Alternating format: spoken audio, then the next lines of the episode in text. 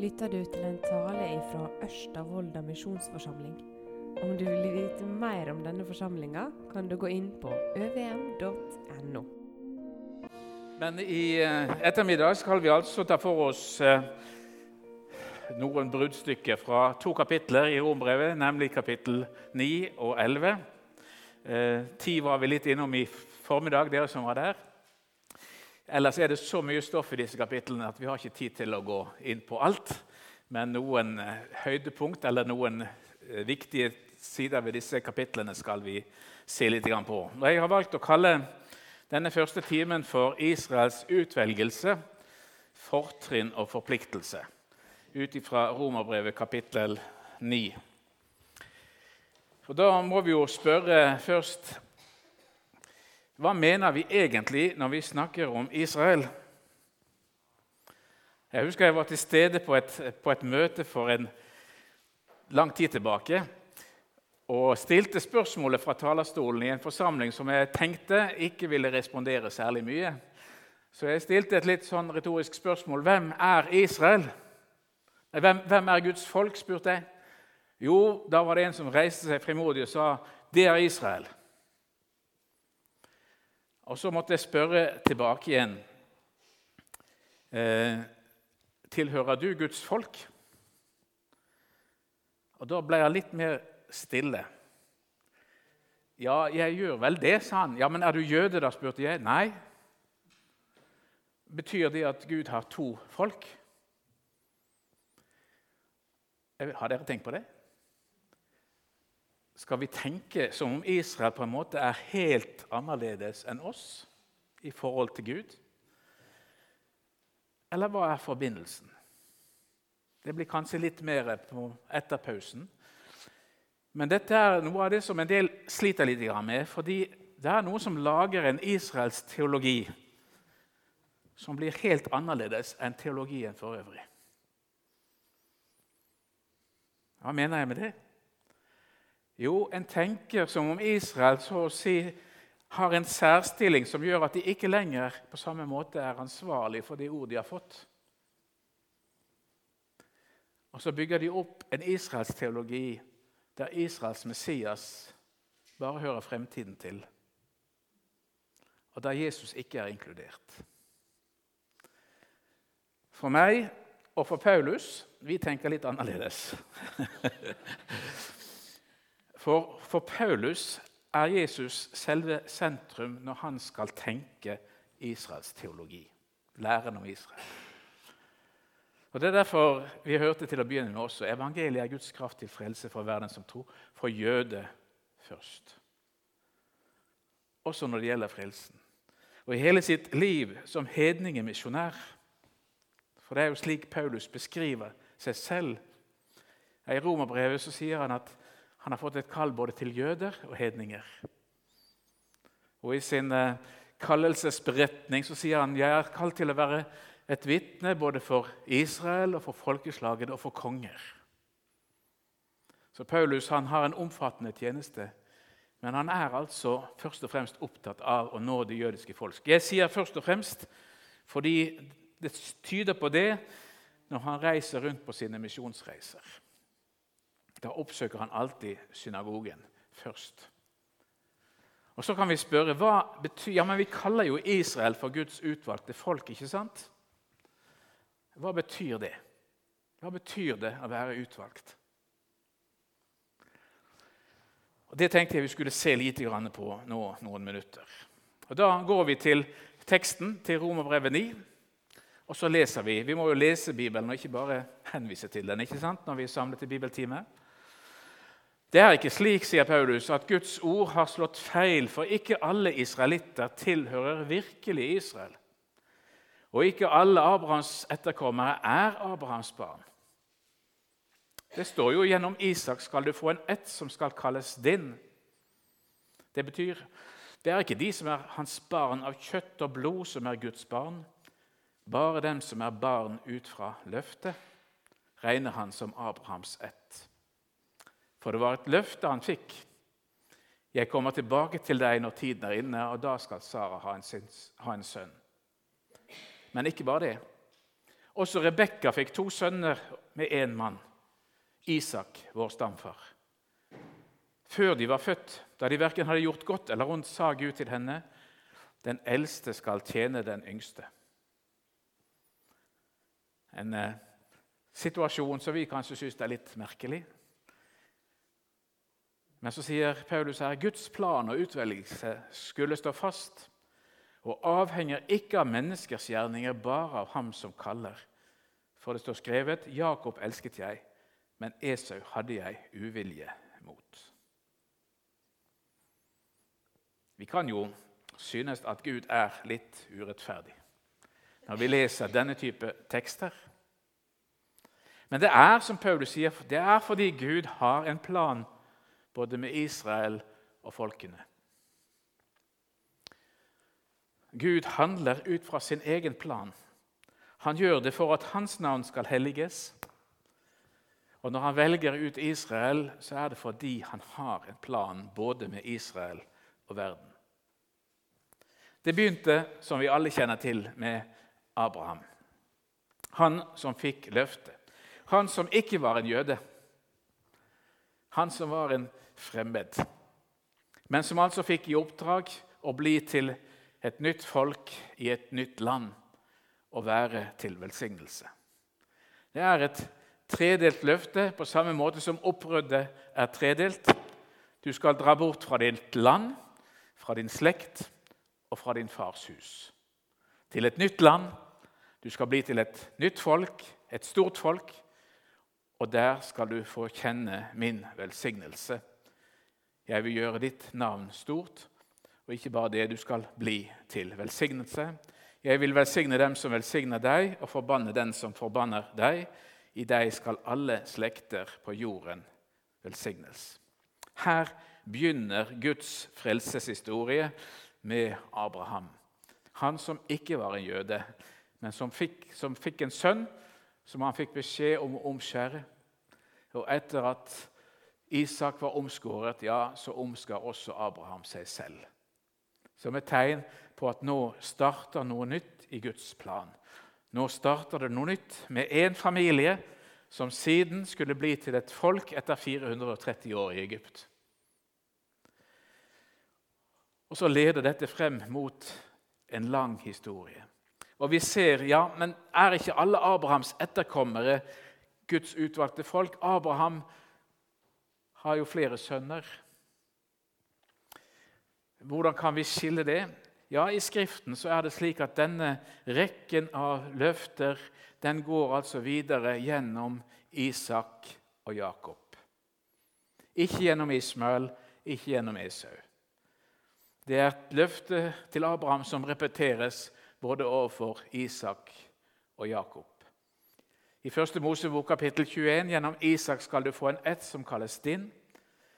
Men slavekvinnens, altså Hagers sønn, vil jeg også gjøre til et folkeslag, for han er også ditt barn. Ja, Abraham er stamfar til flere folk, men selve utvelgelsen og løftet som skulle danne denne nye historien og nye fortellingen, og som skulle lede frem til velsignelse for alle folkeslag, den linjen går gjennom Isak og Jakob. Også Hager fikk sine løfter, men de var litt annerledes. Folk skal tjene deg, Jakob, sier Gud til Jakob. Folkeslag skal bøye seg for deg.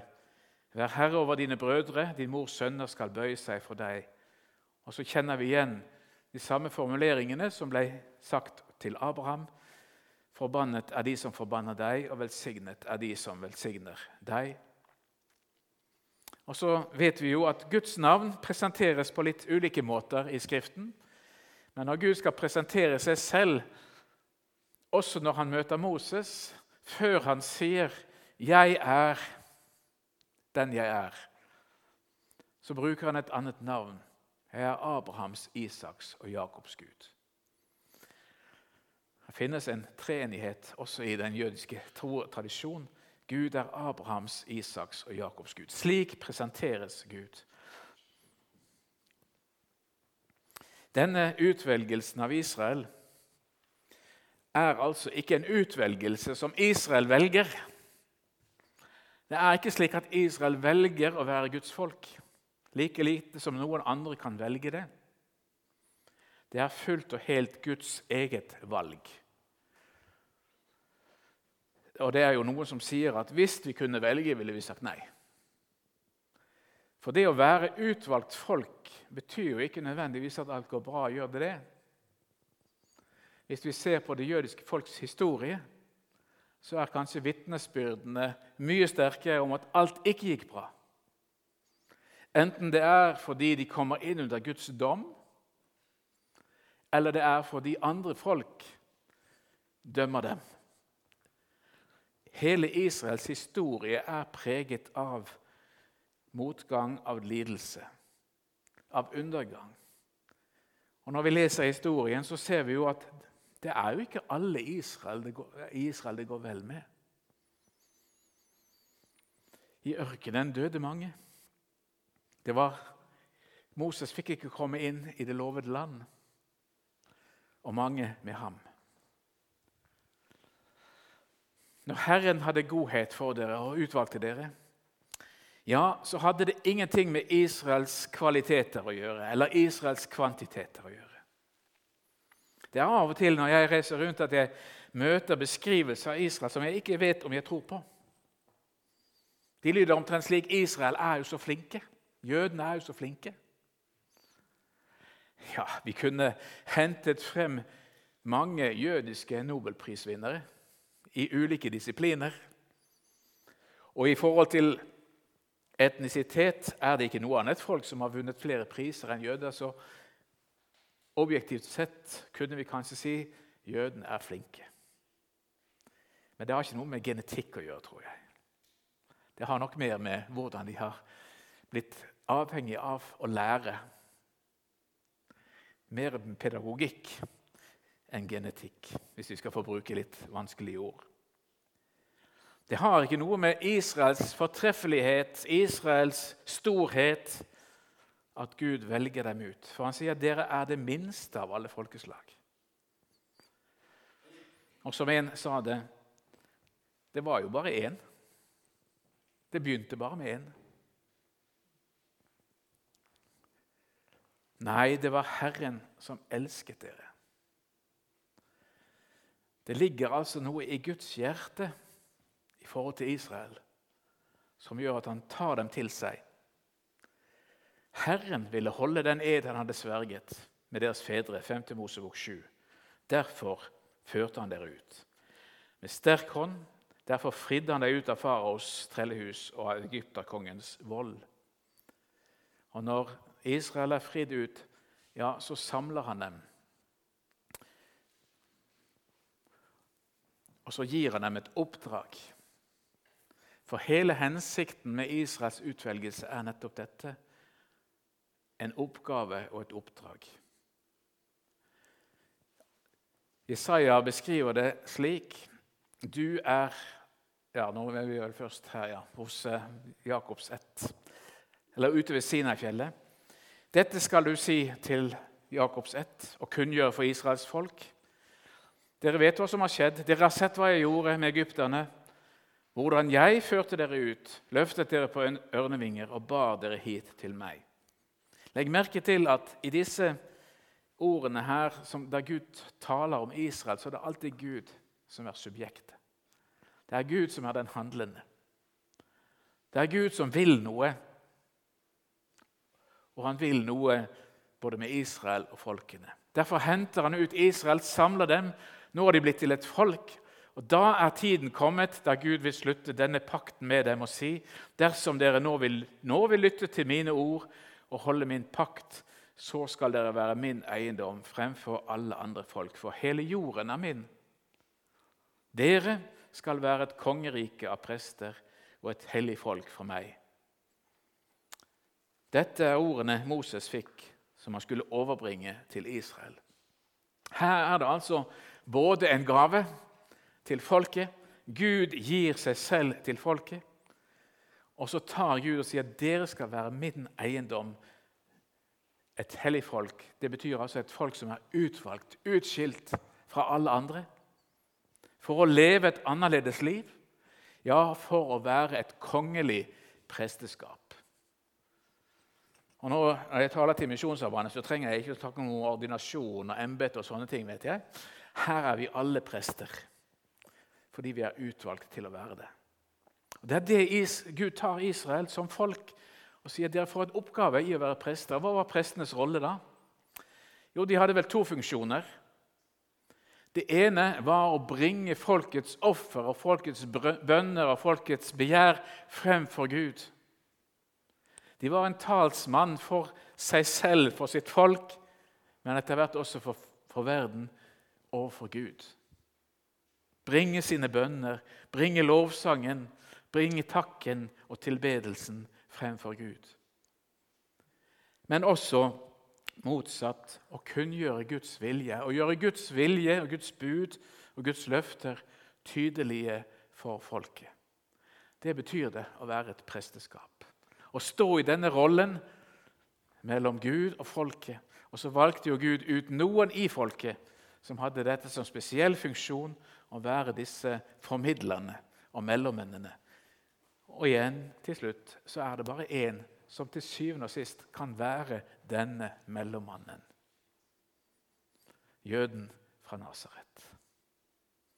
Han er den som står frem som den hellige, den utvalgte jøden presten, den kongelige prest, som selv er konge, som selv er herre, og som bærer frem folkets nød, folkets bønner, folkets begjær for Gud, sin far, men som også er den som bærer frem fars rop og fars lov og fars nåde for folket. Ikke med bukker og kalver og hva det måtte være de ofret, men med sitt eget liv og sitt eget blod. Men nå gikk vi litt for fort forbi Israel, helt til Jesus. Men det er nettopp fordi disse tingene henger sammen. Og Vi kjenner ordene fra Jesaja-boken 49. Han sa til meg, 'Du er min tjener Israel. På deg vil jeg vise min herlighet.' Igjen er det Gud som er subjektet. Det er Gud som vil vise noe, gjennom Israel. Og så sier han det er ikke nok at du er min tjener som skal reise opp igjen Jakobs stammer og føre de bevarte av Israel tilbake. Jeg gjør det til et lys for folkeslag, så min frelse kan nå til jordens ende. Og Siden nå dette tas opp, så får vi henvise til Jesaja 49. Og Det er skrevet med så liten skrift at dere ser det ikke heller. Jesaja 49. Og Så vil du kanskje si ja, men dette handler ikke om Israel. gjør det det? Handler ikke dette om Jesus? Jo, det gjør jo det. Men det er Jesus som en del av sitt folk. Det er Jesus som ble født inn i denne verden i Betlehem, i en jødisk familie. Men det handler også om Israel. Og er det noe Israel, også de religiøse jødene, er opptatt av, så er det jo også det vi må leve slik at verden ser at vi er et annerledes folk.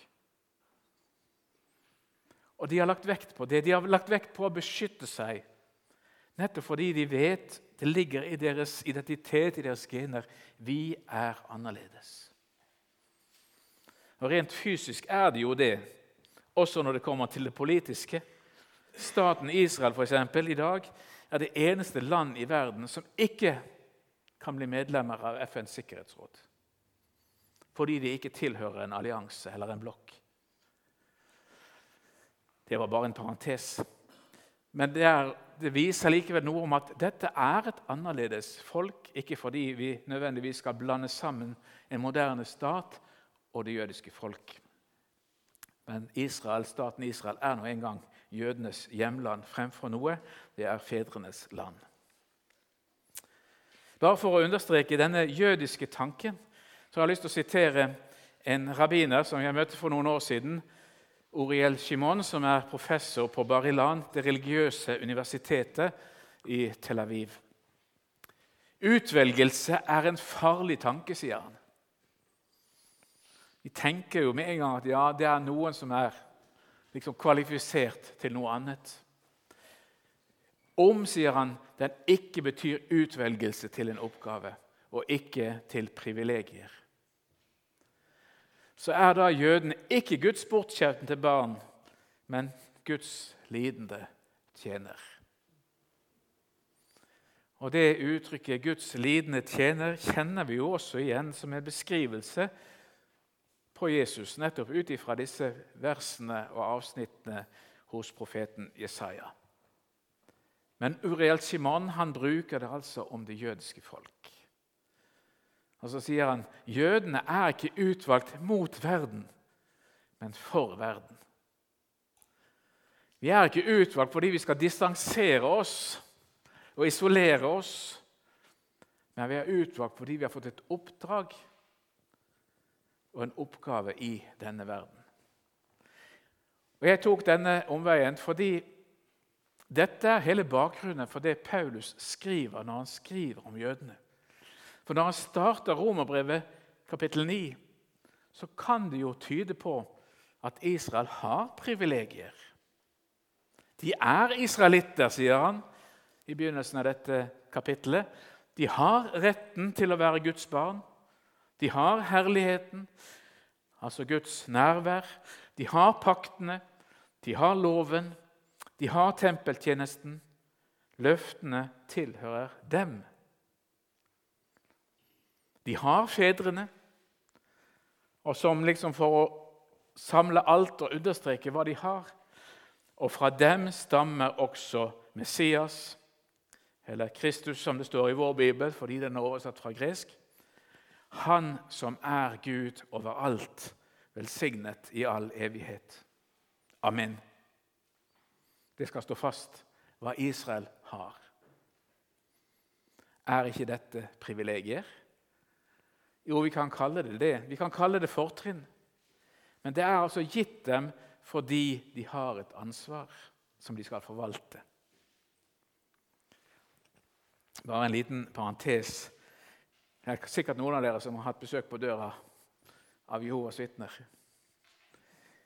Og Det store diskusjonstemaet når vi får besøk fra, av Jehovas vitner, er jo er Jesus Gud, eller er han det ikke.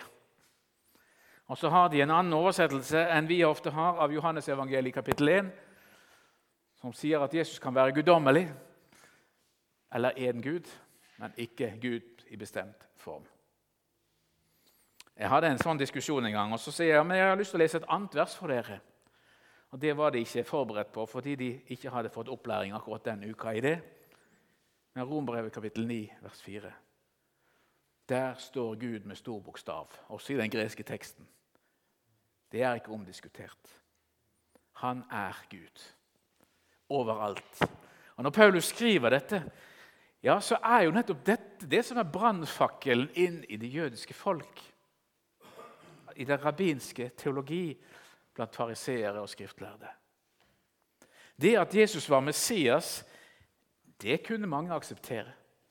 For Messias det kunne være hvem som helst, nesten. Ja, Det var litt drøyt sagt. Men i hvert fall var det ikke knyttet nødvendigvis til én person. På Jesu tid fantes det ulike Messias-skikkelser, og i tiden rundt Jesus, og ikke minst i de årene som fulgte etter. Da jeg googlet ordet Messias for en tid tilbake, så fant jeg ca. 50 henvisninger til ulike Messias-skikkelser gjennom jødenes historie. Det har vært mange flere. Også i dag lever det mennesker, også i Israel, som noen hevder er Messias. Eller det kan være en tidsperiode som noen kaller den messianske tid. Så her kan det være litt ulike oppfatninger. Vi snakket litt om det også i formiddag. Men det at Jesus fremstår som Gud selv, det er noe nytt. Og hvis du leser Johannesevangeliet, så vil du lese det i kapittel 5, er det vel, når Jesus er i diskusjon. Eller kapittel 9. Det er to sånne underfortellinger. At Jødene de var jo opptatt av å få stanset Jesus fordi han gjorde noe på sabbaten som var ulovlig. Han helbredet et menneske som ikke var dødssyk. Og Så spør de med hvilken autoritet, med hvilken makt, med hvilken myndighet gjør du dette? Og Så svarer Jesus, 'Min far arbeider inntil denne dag. Også jeg må arbeide.' Og Da står det at da var de enda mer opptatt av å rydde han av veien, ikke bare fordi han helbredet på sabbaten, men fordi han kalte Gud seg, sin far og gjorde seg selv lik Gud. Så Paulus sier her denne Kristus er det jødene har fått. Og Denne Kristus, denne Messias, er det de er kalt til å forvalte. Og Så spør Paulus videre. Er Gud urettferdig? Og Paulus svarer selv på sitt spørsmål med en kontant avvisning. Slett ikke. Det må ikke skje, kunne vi oversette det ordet med, at noen mener det. For han sier til Moses, og dette var vi inne på tidligere ikke sant? Jeg viser godhet mot den jeg vil, og barmhjertighet mot den jeg vil. Så kommer det altså ikke an på den som vil eller anstrenger seg, men på Gud som viser godhet. For Skriften sier til farao, 'Jeg lot deg stå frem for, jeg lot deg stå fram for å vise min makt på deg.' Også farao. Og for at navnet mitt skal bli forkynt over hele jorden. Altså viser han godhet mot den han vil, og forherder den han vil. Gud legger opp en plan som vi kan være uenig i, men det er Guds plan. Han viser godhet mot den han vil. Han viser nåde mot den han vil, fordi han har en hensikt, nemlig at Volda skal få høre evangeliet. Jeg vet ikke om du har tenkt på det på den måten, men Gud valgte altså ut Israel ikke primært for Israels skyld, men for din skyld. Ikke fordi han ville ha et folk som han kunne vise noe ekstra godhet mot, som ingen andre skulle få del i, men for at alle skulle få del i Abrahams velsignelse. Den velsignelse som kulminerer i mannen fra Nasaret. Gud kunne gjort det litt annerledes, synes kanskje vi. Han kunne handlet raskere. Ja, vi kan kanskje stille mange spørsmål til Gud, men slik valgte han det. Og Slik valgte han det også for at Guds løfte og Guds vilje skulle fullføres og stå fast. Det blir litt sånn, Når vi skal gå gjennom et helt kapittel, så blir det litt sånn bibelhenvisninger her, eller bibelsitater. Men hvis vi fortsetter å lese i Romerbrevet kapittel 9, fra vers 22, så ser vi hvordan Gud også viser sin strenghet. Hvordan Gud ikke bare gir løfter og velsignelse, men hvordan han også må holde tilbake igjen sine løfter. Utsette sin velsignelse pga. ulydighet. Og Vi kjenner et annet eksempel ikke sant, fra profeten Jeremia, der Gud taler om folket, hvordan de er som leirkrukker, som Gud må forme på nytt igjen. Noe av det samme bildet henter Paulus frem i Romerbrevet kapittel 9, når han sier enda Gud vil vise sin vrede og makt vrede og gjøre sin makt kjent, så har han tålmodig båret over med de krukkene som var under vreden. Altså de som ble ødelagt, de som gikk i stykker. De som var laget for å gå til grunne. Han gjorde det for å gjøre kjent hvor rik hans herlighet er for dem som han ville vise godhet, og som har gjort ferdige for herligheten. Her taler ikke Paulus først og fremst om deg og meg, men han taler om Israel. Det er altså ikke slik at Gud så å si bare straffer Israel og lar velsignelsen komme over andre, slik noen har tenkt. Det er ikke slik at Gud har forkastet Israel fordi han har en plan med folkeslagene. Det er plass også for Israel, ja, først og fremst for Israel. Han vil fortsatt vise sin herlighet for det jødiske folk. Fordi han har en plan med Israel, men også fordi han har en plan med oss. Og Derfor bærer han over. Derfor tilgir han. Derfor viser han nåde. Israel trenger det, slik du og jeg trenger det. Og Hva fører dette til? Hva er konsekvensen av dette for deg og meg? Ja, For Paulus var konsekvensen Og nå er vi tilbake igjen til begynnelsen av Romerbrevet kapittel 9, helt i starten. Han begynner nemlig denne undervisningen om Israel med å si 'Jeg bærer på en stor sorg'. Jeg plages uavbrutt. Og så sier han det mye sterkere enn jeg våger å si det. Jeg skulle selv gjerne vært forbannet og skilt fra Kristus om det kunne være til hjelp for mine søsken, som er av samme folk som jeg. Er det noen av dere som har det sånn? At du bærer på en stor sorg i hjertet og plages uavbrutt for at flertallet av det jødiske folk i dag ikke tror på Jesus. Når jeg reiser rundt, så møter jeg mye engasjement for Israel. Mange er opptatt av det som skjer i Midtøsten. Mange er opptatt av hvor landegrensene skal gå. Om Netanyahu er den som skal redde Israel, eller om Trumps fredsplan er liksom det store. Noen er selvfølgelig veldig kritisk til det, men andre jubler. Men hvor finner jeg apostelens nød. Skulle ikke det være det fremste og viktigste? Det er iallfall slik Paulus begynner sin, sitt ærlige vitnesbyrd om Guds plan og Guds vilje. Jeg bærer på en stor sorg. Ja, hvis det kunne gagne Israel, så skulle jeg selv være forbannet og skilt fra han hvis jeg kunne redde dem. Og Derfor fortsetter det i kapittelet etter. Mine søsken, jeg ønsker og ber til Gud at de må bli frelst. Hva ber du om hvis og når du ber for Israel? Det spørsmålet vil jeg gjerne at du skal tenke igjennom. For vi kan be om mye. Ja, vi har lært i Bibelen at vi skal be om mye. Salmisten oppfordrer oss til å be om fred for Jerusalem. Og Det kan selvfølgelig være en fred for dem som bor der i dag. Det er viktig både å be om det og arbeide for det. Men ordet 'fred' i Bibelen, 'shalom', er vel det eneste ordet vi kan på hebraisk. er det ikke det? Det betyr langt mer enn fravær av krig. Jesus også ba om fred for Jerusalem. Når han rir inn i byen, så ser han utover den og så sier han, om du bare visste, du òg på denne dag, hva som tjener til din fred. Men nå er det skjult for deg. Det var ikke først og fremst slutten på den romerske okkupasjonen. Men det var den fred han skulle bringe til byen.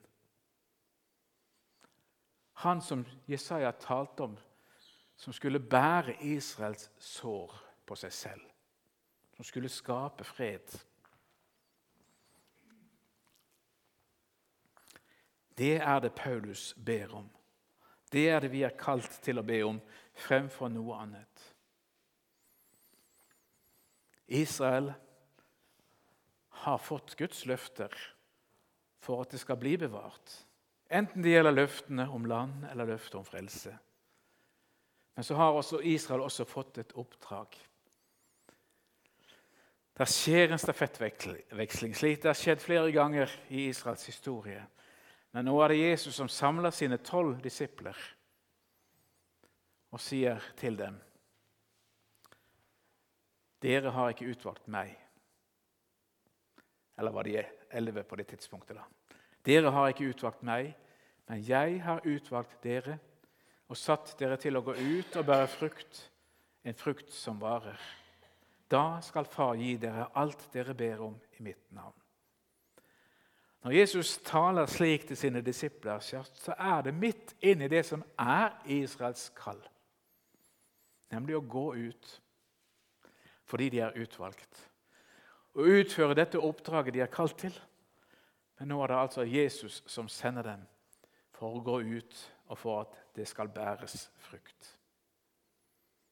Og Derfor er det altså Paulus også legger så stor vekten på dette at Israel må få lære å kjenne Jesus som Messias. Jeg skammer meg ikke over evangeliet, har vi hørt her, fordi det er en Guds kraft til frelse for hver den som tror.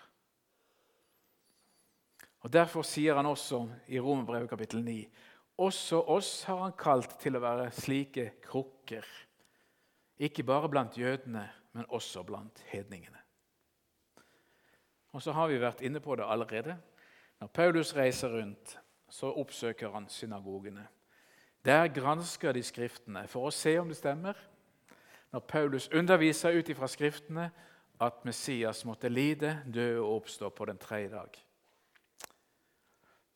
Mange studier i synagogene på bibelsk tid for å finne ut er Jesus denne Messias. Er han Guds sønn?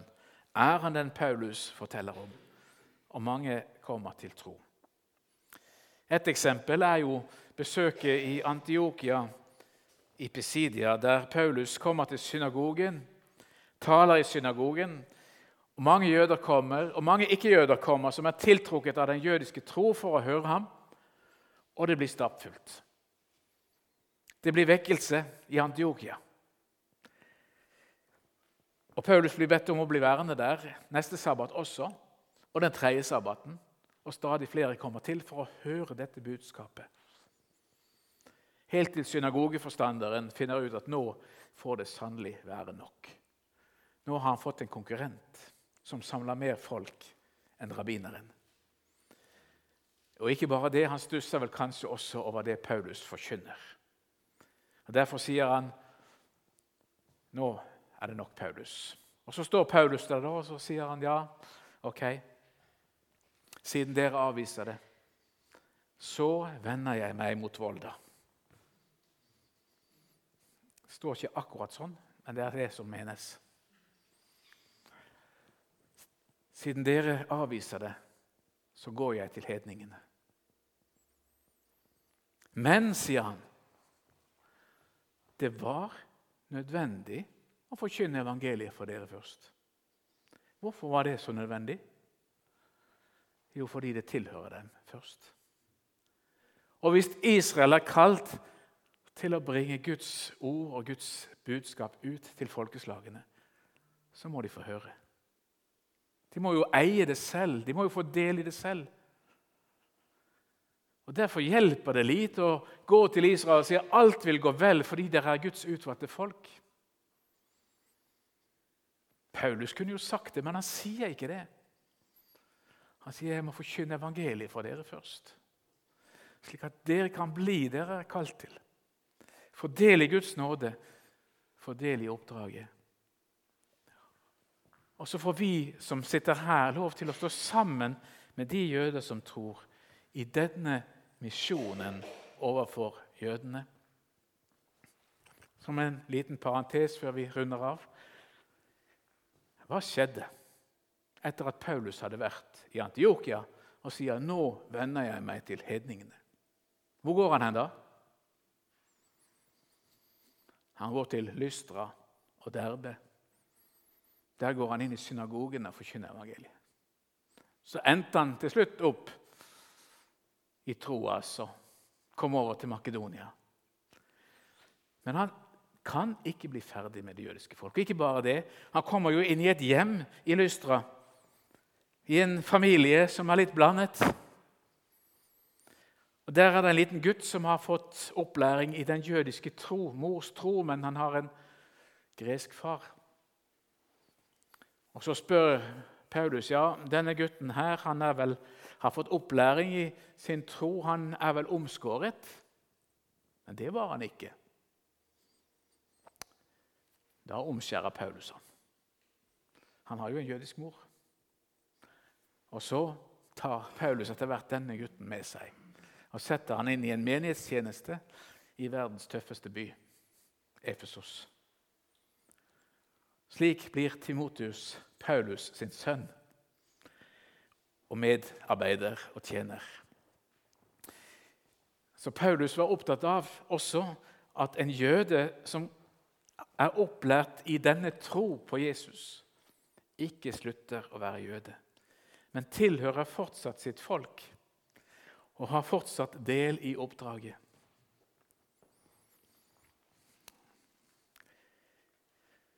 En av mine gode venner som har også skrevet en bok som ligger ute på bordet ute i hallen, Avi Snyder, han sier jeg har to lidenskaper.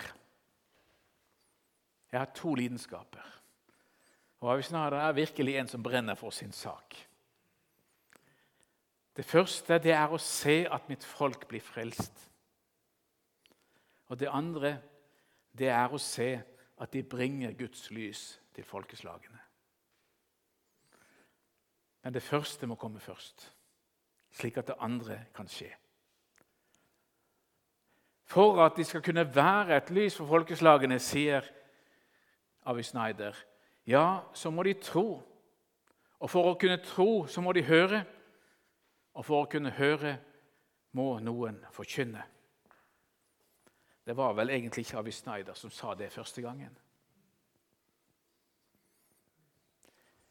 Rombrev kapittel 10 gjentar han.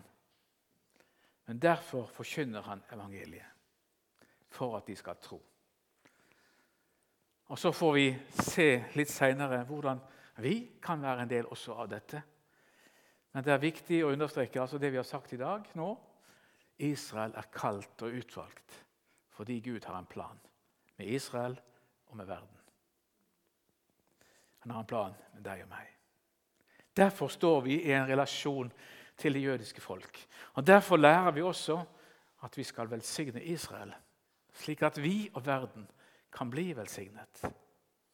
Og Den velsignelsen, hva er det for noe? Jo, det er først og fremst å gi dem det vi selv er blitt velsignet med Guds nåde. Ved troen på Jesus, Messias.